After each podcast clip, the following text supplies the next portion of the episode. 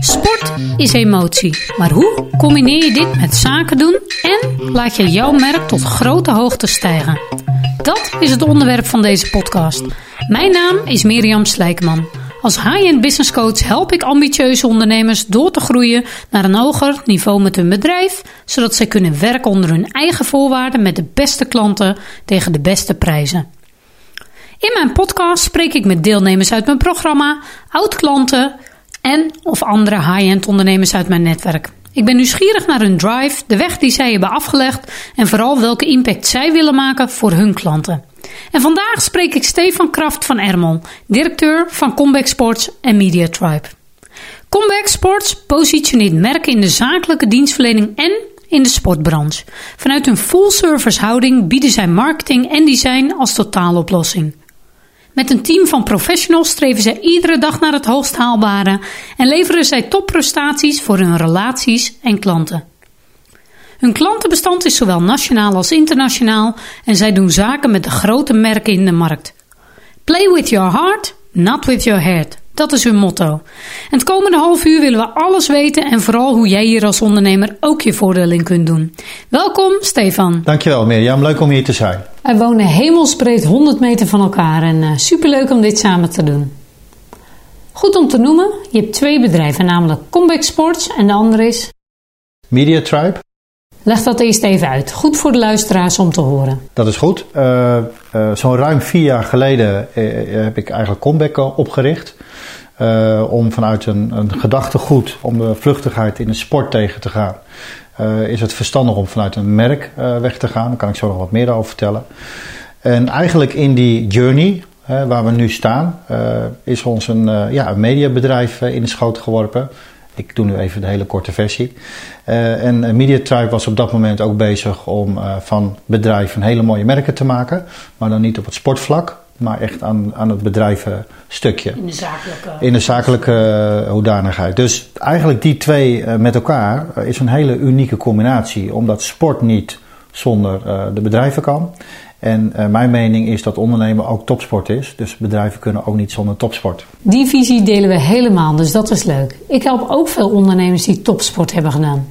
Wat is jouw visie hierop? Waarom vind jij ondernemen topsport? Nou, ondernemen is topsport omdat het een vak is. Uh, en uh, ik vind het ook heel erg leuk wat jij altijd zegt, uh, Mirjam High-end business. ondernemen heeft ook te maken met focus leggen. waar richt je aandacht op? alles wat, wat, je aandacht geeft groeit. Dus op het moment dat je te veel aandacht aan te veel vlakken geeft, dan groei je de verkeerde kant op. en het is tegelijkertijd ook heel veel passie en liefde hebben voor het vak wat je uitoefent. ik zou niet iets kunnen doen waar ik geen passie of liefde voor heb. Want dan kan ik er geen extra uurtje dan wel energie in stoppen. Het moet je ook energie geven. En die twee hebben wat mij betreft een enorme raakvlak met elkaar. Helemaal herkenbaar.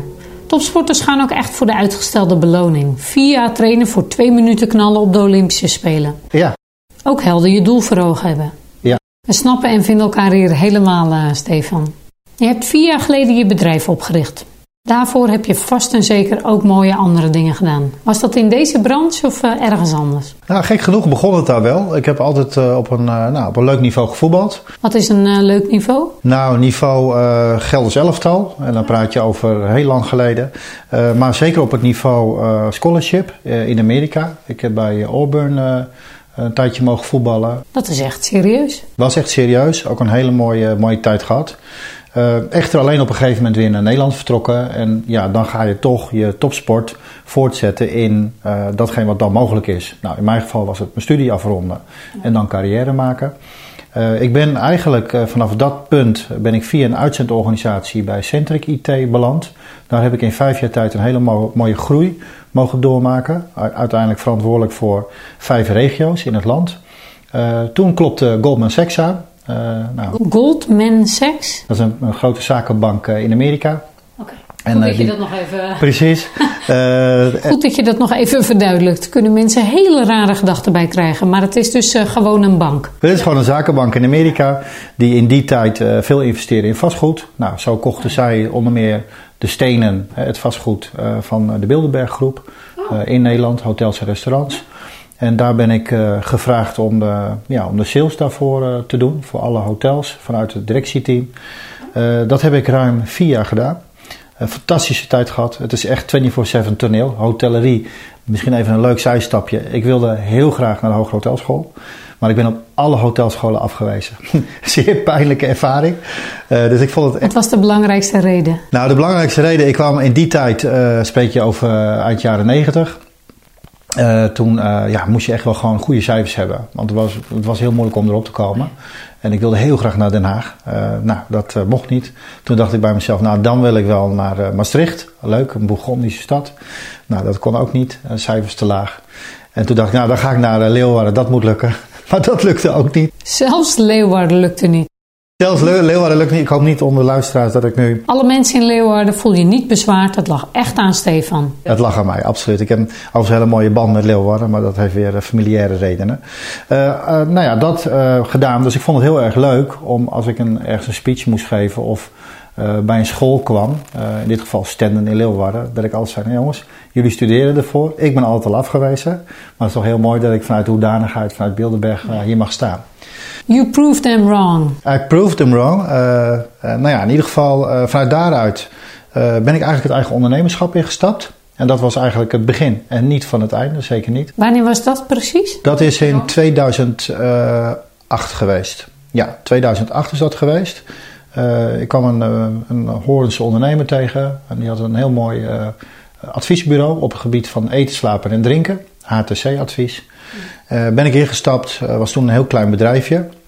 Dat hebben we echt uh, mooi kunnen uitbouwen. Het is nu een grote speler in de markt. Ja, we hebben in die tijd ook best wat overnames gedaan. zoals bijvoorbeeld ATR, dat is een schoonmaakstrategisch bureau die advies geeft op het gebied van schoonmaakaanbestedingen. en zo zijn we eigenlijk verder gegroeid, wat overnames gedaan uit faillissement. Uiteindelijk in Nederland en België terechtgekomen. Nou, een hele mooie tijd, maar daar uh, gebeurde iets uh, wat ik als ondernemer niet van tevoren bedacht had. Is dat je echt plezier voor je vak moet hebben. En facilitaire business uh, zit een heel mooi verdienmodel in. Kun je hele mooie deals sluiten. Daar ligt uiteindelijk ook iets wat ik leuk vind. Maar puur sec, de facilitaire dienstverlening, schoonmaak, catering, groenvoorziening, infrastructuur. Ja, daar heb ik gewoon minder interesse voor. En na tien jaar had ik zoiets van, we gaan iets anders doen. Uh, je deed wat je kon, maar niet waar je hart lag. Klopt, ja. Nou, dat is en je hart volgen is echt belangrijk. Want je kan alles in je hoofd hebben zitten, maar als het hart het niet doet, dan werkt het niet. Toen heb ik eigenlijk een tijdje een time-out gedaan. Ik wilde een jaar, maar dat werden drie maanden. Ja, het ondernemerschap zit natuurlijk in je bloed. Ik weet dat nog. Ik ga even een jaar niets doen. Echt even time-out. Ja, dat, uh, ik had uh, een leuk ritje gemaakt. Hè, dus ook uh, een mooie zon meegenomen.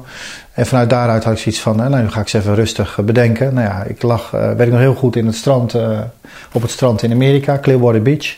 En daar kwamen al de eerste gedachten. En toen had ik wel zoiets, wat vind ik nou leuk? Waar krijg ik energie van? En toen had ik zoiets van, wacht even, ik ga weer terug naar de sportindustrie. Waar ik ooit in Amerika begon, weliswaar als scholarship uh, speler. Uh, maar dat was wel een, een moment dat ik zoiets had van, ja, wat, wat gebeurt er nou in Nederland in de sport? Dan wel in Europa. En wat gebeurt in Amerika? En in Amerika zit sport in het bloed. Je gaat van, van college, uh, eigenlijk al ervoor, van high school naar college, de draft, hè, de grote mhm. vier uh, sporten in Amerika, ga je uiteindelijk naar professioneel sporten. Maar daar zit het zeg maar in je opleiding. Uh, vandaar ook scholarship. Verweven, ja. En in Nederland is dat niet zo. In Nederland ben je veel meer, je bent zo goed als je laatste prestatie. Hele vluchtigheid in de sport. Kijk maar naar de, de voetbalmakelaars met commissiemodellen.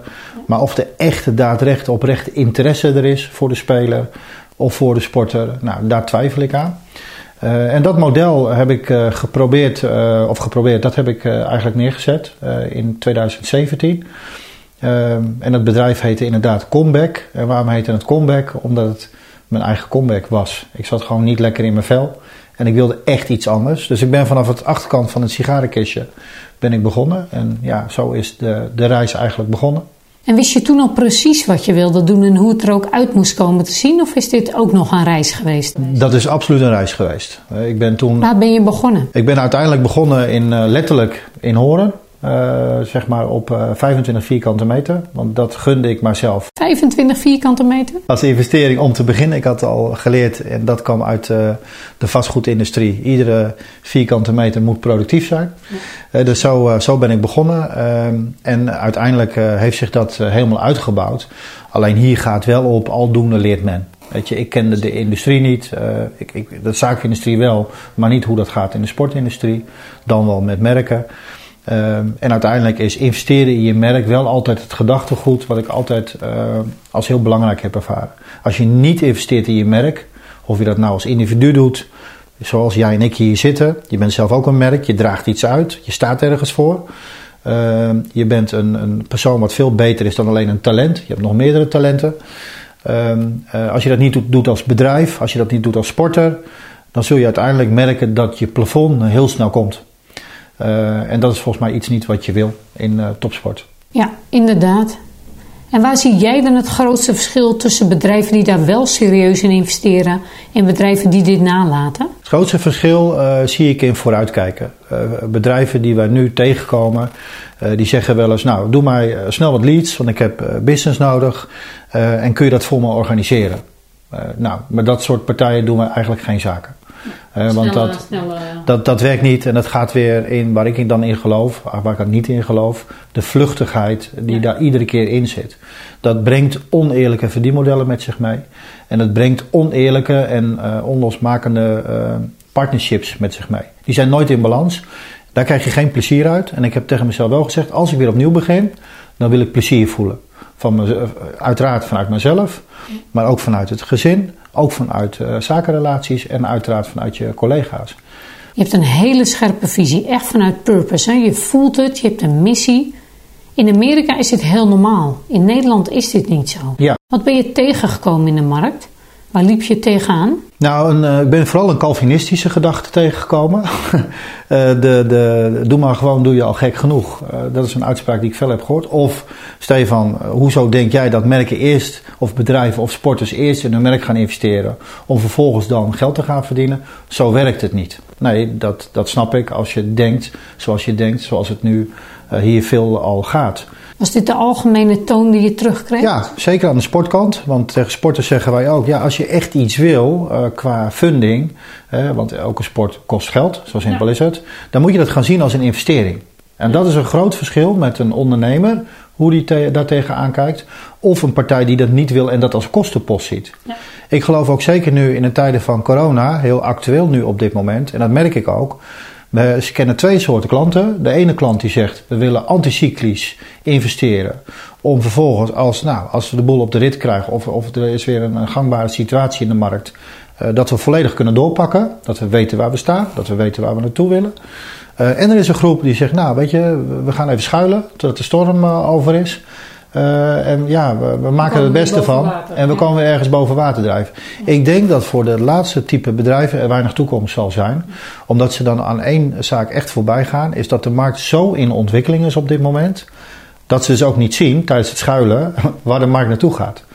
Uh, dus uh, nou, die twee klanten komen wij tegen. En in Amerika is dat veel meer een cultuur. Wij zeggen wel als Amerikanen zijn overdreven of zeggen heel overdreven gedag in de winkels. Ook daar ben ik het overigens mee eens. maar ze zijn wel anders uh, opgevoed. Uh, ze kijken er anders tegenaan. En dan heb jij gelijk, ook vanuit je intro. Sport is emotie. En ze voelen daar dus ook emotie bij. En vanuit emotie ga je handelen. En vanuit feitelijkheden handel je veel minder snel. Dan wordt het meer een gedachtegoed. En vandaar de quote ook: Play with your heart, not with your head. En die komt uit uh, de film Jerry Maguire. Ja, uh, uit de jaren 80. En, uh, nou ja, een echte Amerikaanse film waar Tom Cruise de hoofdrol speelt.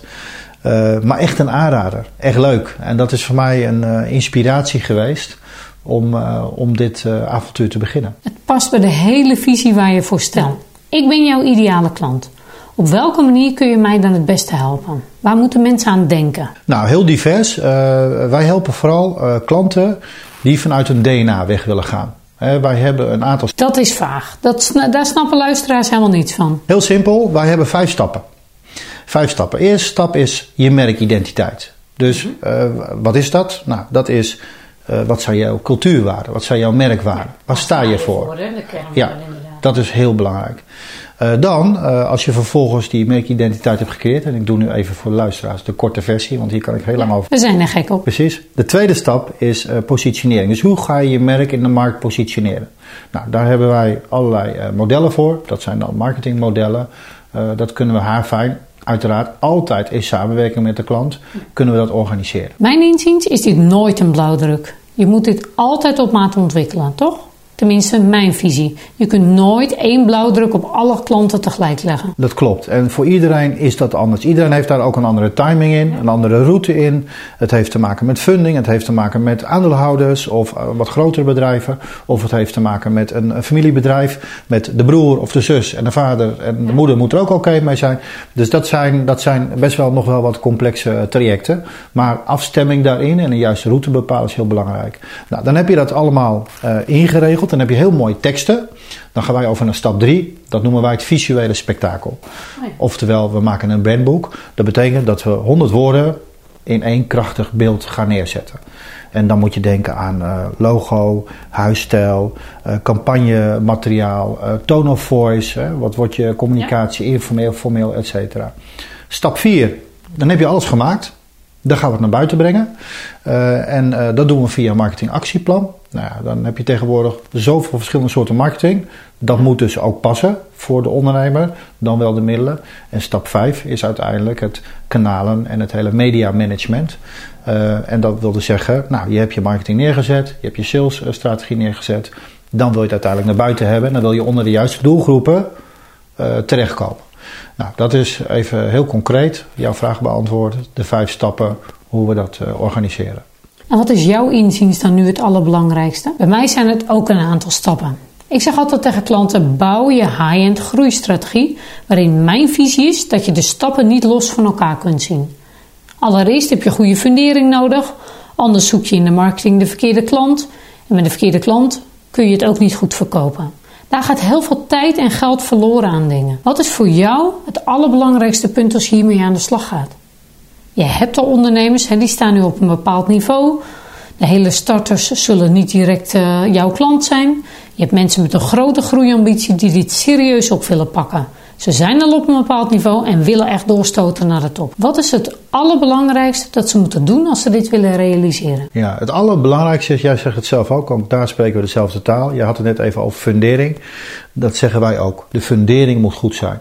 En een, uh, een ondernemer die net start, een start-up, die heeft nog geen fundering. Maar die heeft wel een bepaalde visie, een strategie en daar kun je mee aan de slag. Ondernemers die uh, al veel meer bagage in een rugzak hebben, is het belangrijk dat je de juiste dingen uit die rugzak haalt ja. En de ballast eruit laat, want dat maakt je minder snel. Dan gaat het vooral om focus, zeker. Dan gaat het echt om focus, precies. Ik heb laatst even als voorbeeld een, uh, een klant meegemaakt. Die had 18 kernwaarden. Ja, 18. Dat is echt heel veel. Dat is heel veel. Ja. Hè? Maar er was een bureau met uh, hun aan de slag gegaan. En dat kwam eruit. En ze hadden een prachtige middag gehad. En nu gaat elke discussie. Ja, maar is het dan die kernwaarde? Of moet ik die kernwaarde? Of moet ik die? dat geeft ook geen richting. Dus je moet daarin ook de juiste uh, stappen maken. Maar het allerbelangrijkste, vraag op jouw antwoord, antwoord op jouw vraag, is dat mensen teruggaan naar de basis. Wat is nou uiteindelijk datgene wat je drijft? Ja. Het is niet wat je verkoopt, maar waarom je iets verkoopt. Het is de why en niet de what. Ik zeg ook altijd: het begint met purpose. Je missie. Waarom doe je wat je doet? Daarbij komen je talenten. Dit moet ook matchen. Om uiteindelijk zoeken we ook het gat in de markt. Exact. Als je deze drie kunt combineren, dan heb je niet alleen de grootste kans op een succesvol bedrijf, maar sta je ook echt in je kracht. Dan doe je helemaal wat bij jou past vanuit intrinsieke motivatie. Ik, ik zeg je heel goed, vanuit je talent, jij noemt purpose, zeg ik ook. Daarbij ook inderdaad, wat is je ambitie daarbij? Heel veel bedrijven vervallen heel snel in een visie en een missie. En dat is heel leuk en daar kun je het heel lang over hebben. Je moet het ook gaan doen. Je moet het gaan doen en je moet er een bepaald gevoel bij hebben. En heel veel worden visies en missies beschreven als in... Oké, nou, ik heb hem gelukkig uh, te pakken. Ik heb, hem, ik heb hem eindelijk hoor. Alsof het iets is wat op een A4'tje zit, wat in de kast belandt. Het leeft niet. Exact. Dat is hetzelfde als dat bedrijven businessplannen maken om een businessplan te maken. Ons businessplan het liefst op één A4'tje. Is geen kunstje, je moet het voelen. Je moet het voelen. Ja. En dat is waar heel veel ondernemingen de missie gaan. En als je dan maar weer, weer de vraag stelt, wat is dan het allerbelangrijkste? Door dat te begrijpen, om je mindset daar te krijgen eh, dat je weet dat daar iets moet veranderen. De urgentie tot verandering. Dat zit in de mindset. En als je nou, doet om de dingen zoals, zoals het boekje het je voorschrijft, dat kan. Maar denk ik niet uiteindelijk heel Dan vink je de hokjes aan. Dat gaat je niet helpen als ondernemer. Klopt. Je hebt dus Comeback Sports en je hebt Media Tribe. Ja. Kun je even in korte woorden uitleggen, wat is het grootste verschil? Ja, het grootste verschil uh, tussen de, de, beide bedrijven is dat de ene tak uh, zich richt op de sport en de sporters en de sportproposities. En de andere tak, in dit geval Mediatribe, die richt zich echt op de bedrijven. Wat doe je precies voor die topsporters? Wat bied je hen concreet? En waarom komen ze bij jou? Sportmarketing, een heel raar woord, hebben we wel laten ik dacht, registreren. Een, ik dacht dat is een typfout. Het valt wel op zo. Het is een typfout. Het is wel heel leuk het ontstaan. Valt wel op. Het is heel leuk ontstaan, want het is ontstaan door een persoon eh, die jij ook overigens kent, Mirjam, die uh, wat dyslectisch is. En die noemde per ongeluk uh, in een verstand van, van verbijstering uh, noemden ze sportmarketing, sportmarketing. En toen dacht ik, maar je hebt nog gelijk ook. Want het gaat namelijk over het bouwen van het merk. En vanuit daaruit, hè, vanuit je creatieve hart, ga je daarmee verder. Nou, dan uh, dus dat is eigenlijk stap 1, sportmarketing. We bouwen je merk. We bouwen eigenlijk gezamenlijk het merk, dat is nog veel belangrijker. Zoals je net noemde. Klopt. Uh, de tweede is uh, dan uiteindelijk ook een stuk marketing. Maar dat zegt me veel meer, oké, hoe breng je dat dan verder? Hoe ga je ermee naar buiten? Hoe betreed je de buitenwereld?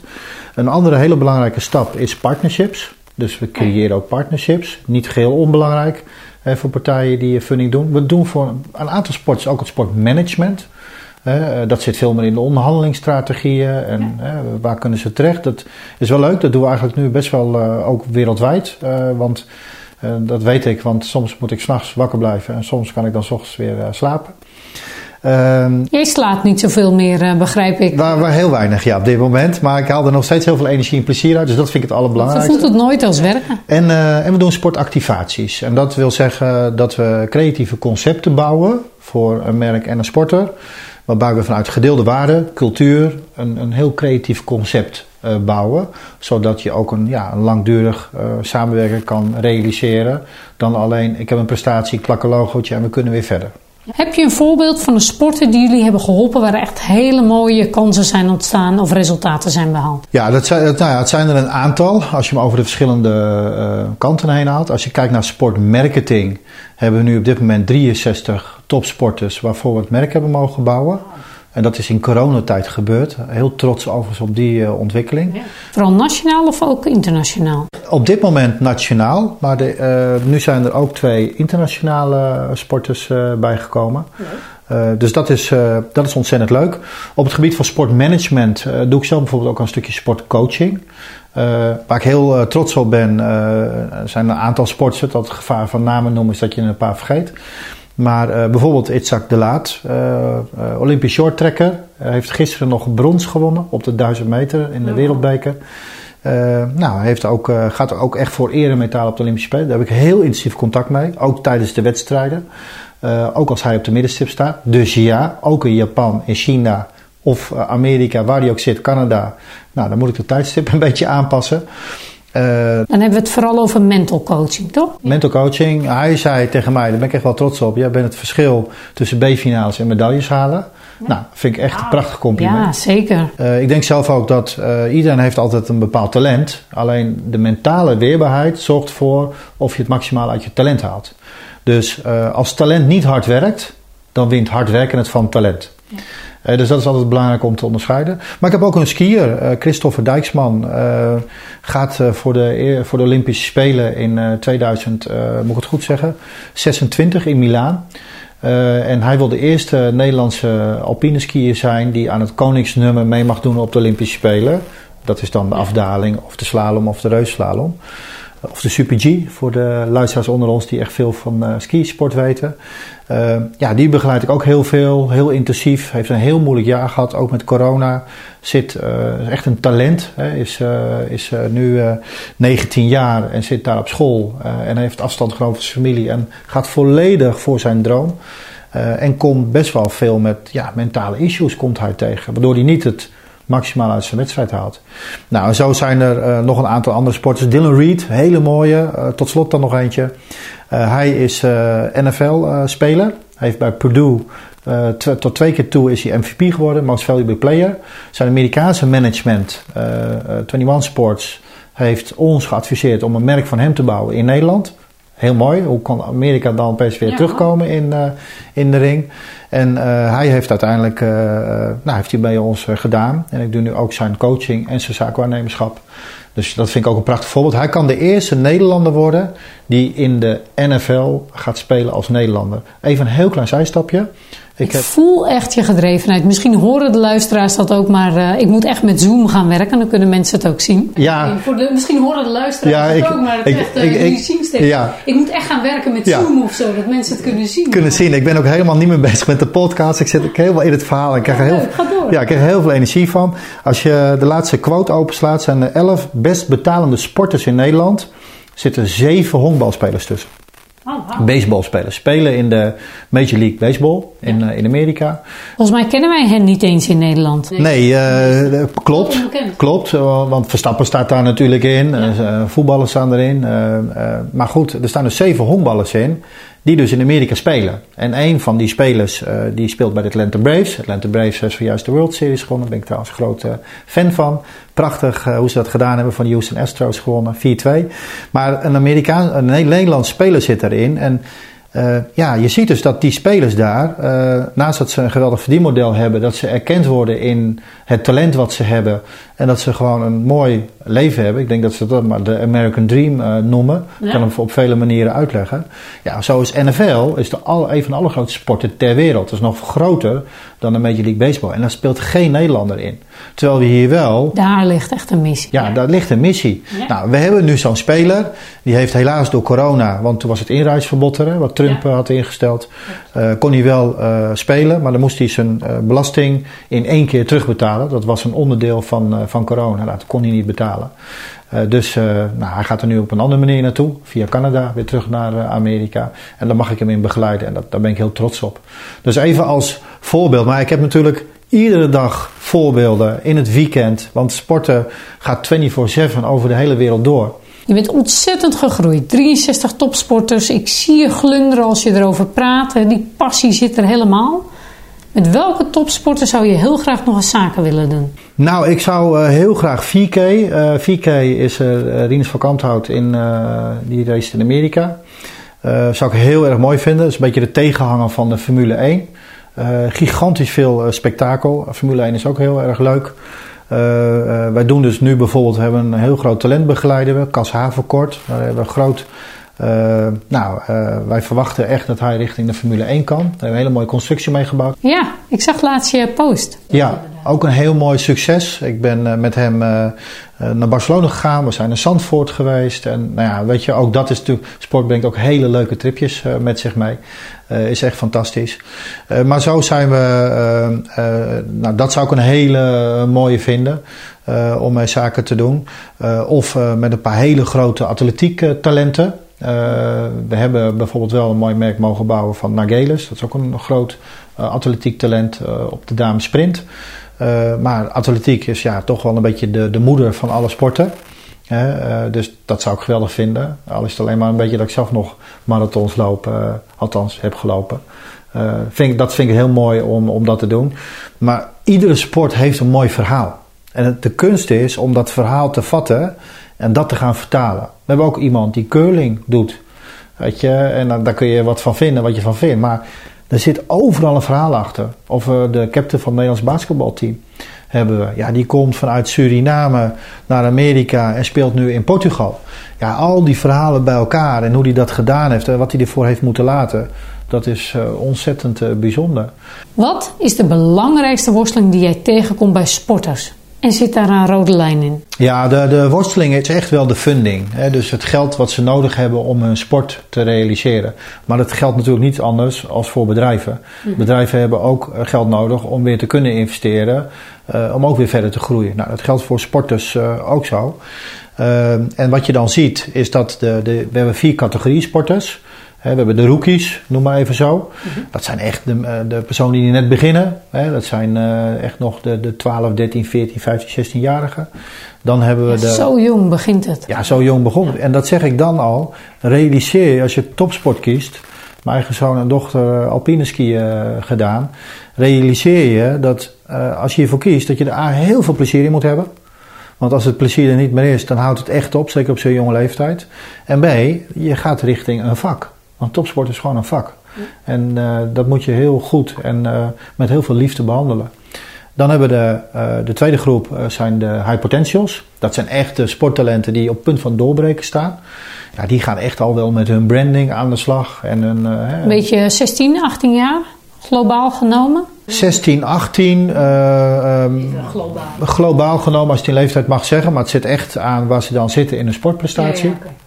Uh, dan heb je de heroes. En de heroes zijn de sporters die al op Olympisch niveau zitten of op uh, EK, WK niveau. En dan heb je tot slot de legends. Oh ja. Dat zijn de oudsporters. En die willen heel graag wat teruggeven. Uh, dus waar loop ik tegenaan? Nou, de eerste groepen, zeker in de funding. Uh, de, de eerste twee groepen. De derde groep, uh, de, de heroes, ja, die zijn echt wel. Nu moet het gebeuren. Ik heb al die jaren getraind om nu die uh, Olympische medaille te halen. Of om überhaupt op Olympische Spelen te komen. En die zijn dan wel weer. Hun uitdaging is: oké, wat ga ik hierna doen? Ik wil dat zwarte gat niet wat gaan we verder doen? Dan is MediaType overigens alweer heel leuk, want bij ons zit dan ook die zakelijke coaching eraan vast, hè, met het netwerk wat we dan meenemen. Je biedt echt een totaalpakket, hè? dat zeggen jullie ook full service. Sporters kunnen bij jullie alles halen. Eigenlijk wel. En de legends willen graag wat teruggeven. En die vinden het dan weer lastig. Oké, hoe doe ik dat? Weet je? En bij wie doe ik dat? En hoe kan ik dat op een manier teruggeven uh, dat de, de, ja, degene, de, de zaken die ik heb meegemaakt, dat, dat, die leermomenten, ja, en dat, die zoeken dan wel weer naar de kanalen, zeg maar. Uh, en zo heeft iedere groep daar een andere uitdaging in. En, en de meeste afvallen zie je wel onder de sporttalenten in die eerste groep en de tweede groep. Daar zitten de meeste. Verlangen moet zo groot zijn dat het iedere tegenslag overwint. Dat zal je denk ik het meeste tegenkomen. Verlangen is heel belangrijk. Hoping and wishing will never do the job. En denken dat je iets wilt is ook nog iets anders dan het echt willen en daar ook alles voor doen. En, uh, en je hebt sporters die zeggen dat ze heel veel talent hebben en dat valt dan ook wel een beetje tegen. Dus daar moeten we ook gewoon heel eerlijk in zijn. Uh, en dat zijn vaak ook de ouders die dan zeggen van, uh, van nou mijn kind heeft talent, dus daar lopen we tegenaan. Ook een interessant topic. Daar kunnen we nog een hele aparte podcast aan wijden. Gaan we niet doen. Daar kun je een hele aparte podcast aan wijden, ja. Ik wil even naar iets anders. Want corona was een heftig jaar waar eigenlijk alles plat lag in jouw branche. En ondanks dat hebben jullie niet stilgezeten. Jij dacht, ik zie kansen, we kunnen nog wel iets anders verdienen. Ontwikkelen bedoel ik. Je ziet altijd kansen. Heeft corona jullie ook iets, echt iets moois gebracht? En waar zijn jullie op dit moment mee bezig? Eigenlijk heel veel mooie dingen heeft gebracht. Het heeft ten eerste een team gebracht. Uh, we zijn op dit moment uh, met ongeveer 20 uh, collega's. Het heeft een team gebracht die er compleet voor gaat. Oh, ja, vind ik echt prachtig om te zien. Um, uh, Heel gedreven en ambitieus ook. Uh, waarschijnlijk nog meer. Maar goed, dat is, uh, dat is heel mooi. Dus het, tweede wat ons heeft gebracht is heel veel mooie productontwikkeling.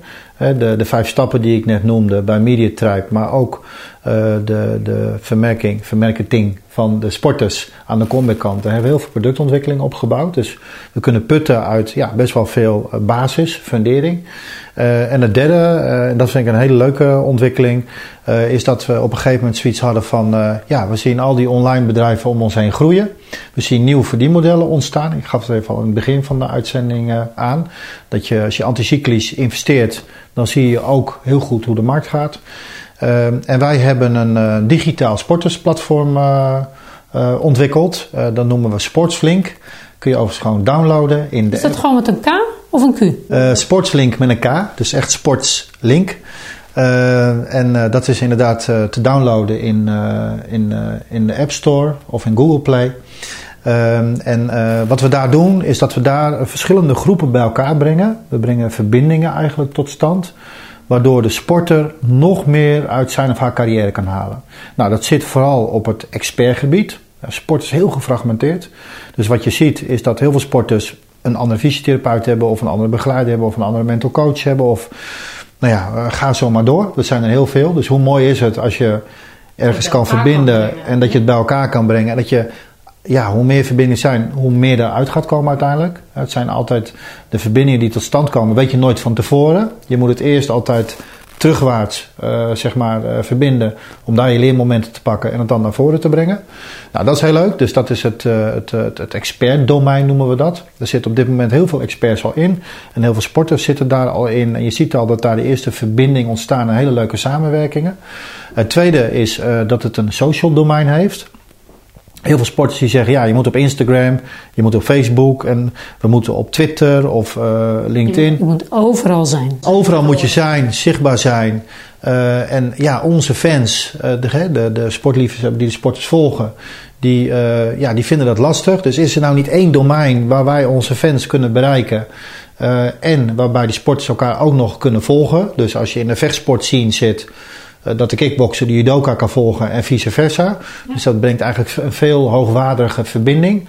Uh, dus dat hele domein uh, zit er nu op dit moment in, het social domein. En het derde domein, en dan gaan we weer, dat is de funding. Dat zijn de corporates, dat doen we het corporate domein, het bedrijvendomein. Die eigenlijk op een hele leuke wijze met content aan de slag kunnen. er zit een hele artikelensector nu in, hele hoogwaardige artikelen met veel experts die hele zinvolle en, en goede dingen zeggen. We hebben een heel podcastkanaal gelanceerd. We hebben nu uh, elf uitzendingen opgenomen en de eerste gaat over twee weken de lucht in. Dat zijn echt de topsporters ook aan het woord. Uh, zoals wij nu ook uh, aan het woord zijn eigenlijk met elkaar. Ook topsport hè, dit? Is, dat is ook topsport. Je blijft continu bezig. En, en dat platform, dat, ja, dat is een digitale platform. Waarbij ja, alle gelden die ook in dat platform omgaat. Er zit ook een recycle in. Dus 10% van al die gelden gaat ook weer, vloeit ook weer terug naar die sporters. En dat vind ik heel belangrijk. Want je wil duurzaam zijn, je wil iets kunnen betekenen voor de industrie. En ik wil echt iets kunnen betekenen. Ik zeg ik, maar ik bedoel natuurlijk onze bedrijven en iedereen die daar een warm hart aan toedraagt. Om dat voor die sporters mogelijk te maken. Want we verliezen zoveel talent uh, in het land. Uh, wat, wat stuk gaat op uiteindelijk iets wat ze heel graag hadden willen bereiken en dat niet lukt. Uh, of het nu gaat om funding, of het gaat om de juiste mensen kennen. Uh, en dat moeten we er recht uit hebben. En dat is uiteindelijk ook waar ik voor sta. Mooi.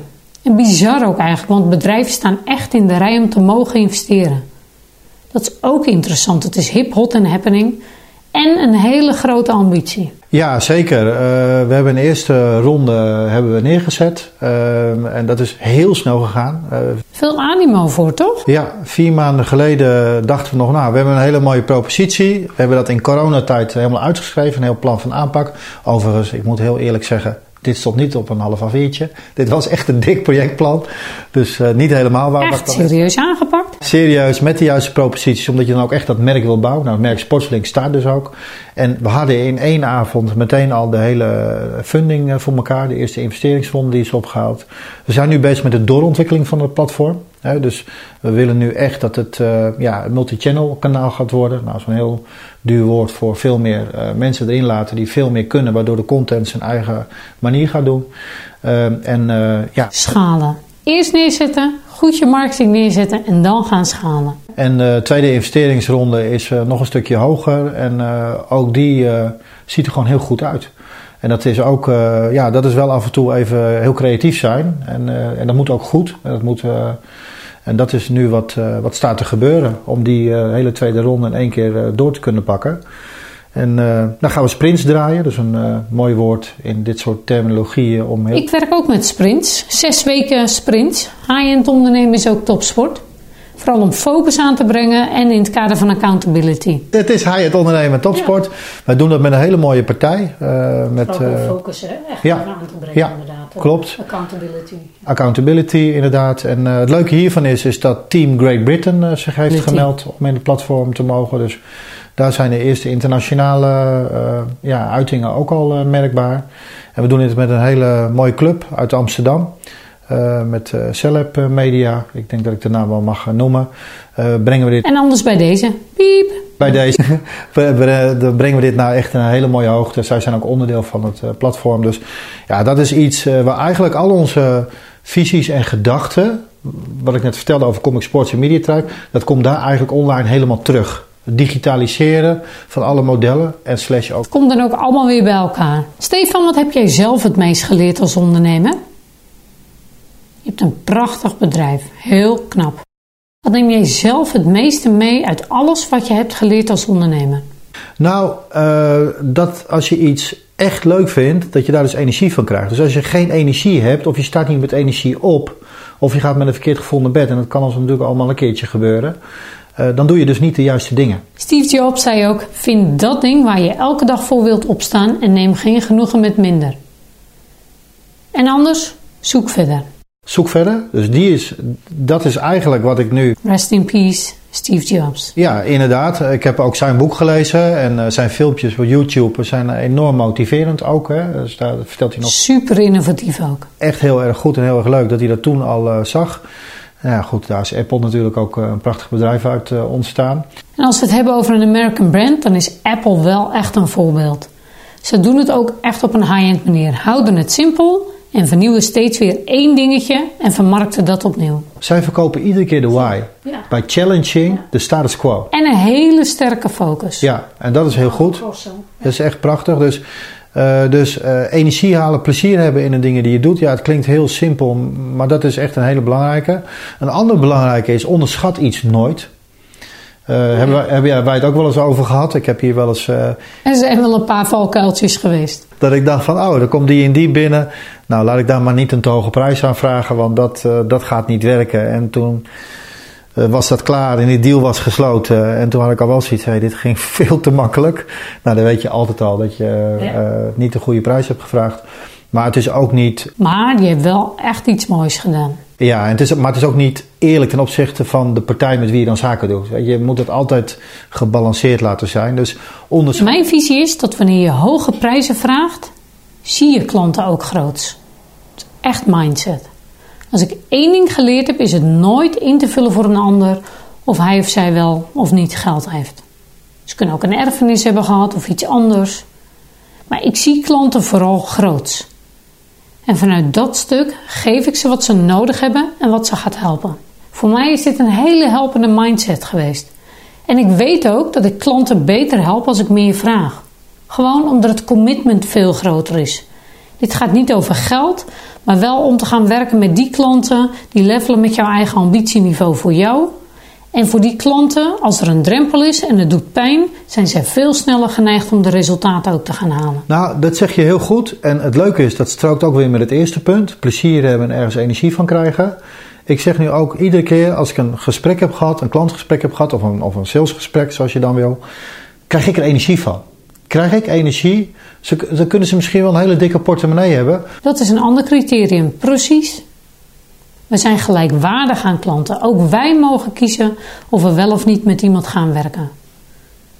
Klanten kunnen je ook afkopen en dit zijn niet de leukste klanten om mee te werken.